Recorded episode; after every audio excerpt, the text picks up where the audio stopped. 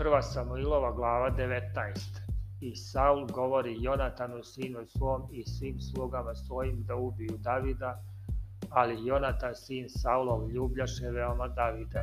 I javi Jonatan Davidu i reče mu, Saul, otac moj, traži da te ubije, nego se čuvaj sutra, skloni se gde god i prikrij se.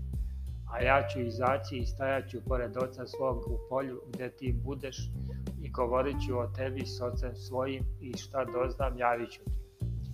I Jonatan progovori za Davida Saulo ocu svom i reče mu, da se ne ogreši car od slugu svog Davida, jer se on nije ogrešio od tebe, nego je još vrlo dobro zate šta je činio.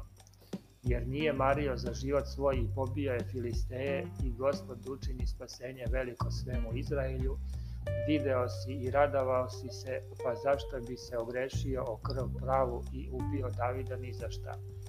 I posluša Saul Jonatana i zakle se Saul, tako živ bio gospod, neće poginuti. Tada Jonatan dozvao Davida i kaza mu Jonatan sve ovo i dovede Jonatan Davida k Saulu i opet bi pred njim kao pre i nastao opet rat i David izađe i pobi se s Filistejima i razbi ih veoma, te bežaše od njega. Potom zli duh gospodi napade Saula kad seđaše kod kuće i držaše koplje u ruci, a David udaraše rukom o gusle. I Saul htede Davida kopljem prikovati za zid, ali se on izmače Saulu, te koplje udari u zid, a David pobeže i izvari se onu noći a Saul posla ljude ka kući Davidovoj da ga čuvaju i ujutru ubiju, a to javi Davidu žena njegova Mihala govoreći, ako noćas ne izbaviš dušu svoju, ujutru ćeš poginuti. Tada Mihala spusti Davida kroz prozor, te otide i pobeže i izbavi se, a Mihala uze lik i metnu ga u postelju i metnu mu pod glavu uzlavlje od kostreti i pokri ga haljinom. I kad Saul posla ljude da uhvate Davida, ona reče, bolestan je. A Saul posla opet ljude da vide Davida, govoreći, donesite mi ga u postelji da ga pogubim. A kad dođoše poslani, gle lik u postelji i uzglavlje od kostreti pod glavom. I reče Saul Mihali, šta, što me tako prevari i pusti neprijatelje mog da uteče? a Mihala reče Saulu, on mi reče, mm. pusti me ili ću te ubiti.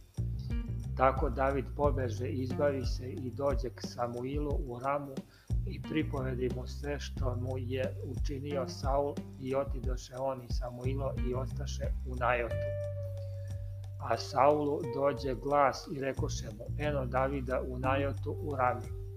Tada posla Saul ljude da uhvate Davida i on videše zbor proroka gde prorokuju, a Samuilo i Sarešina i duh gospodnji dođe na poslanike Saulove te i oni prorokovahu.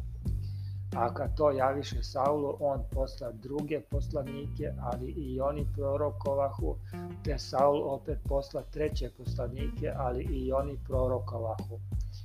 Tada sam pođe u Ravu i kad dođe na veliki studenac koji je u Sokotu, zapita govoreći gde je Samuilo i David i reko mu eno ih u najotu rami i pođe u najotu rami ali i na njega siđe duh Božiji te idući dalje prorokova dakle dođe u najot u rami pa skide i on haljine svoje sa sebe i prorokova i on pred Samuilom i padnuši ležaše go ceo onaj dan i svu noć, stoga se govori e da li je i Saul među prorocima.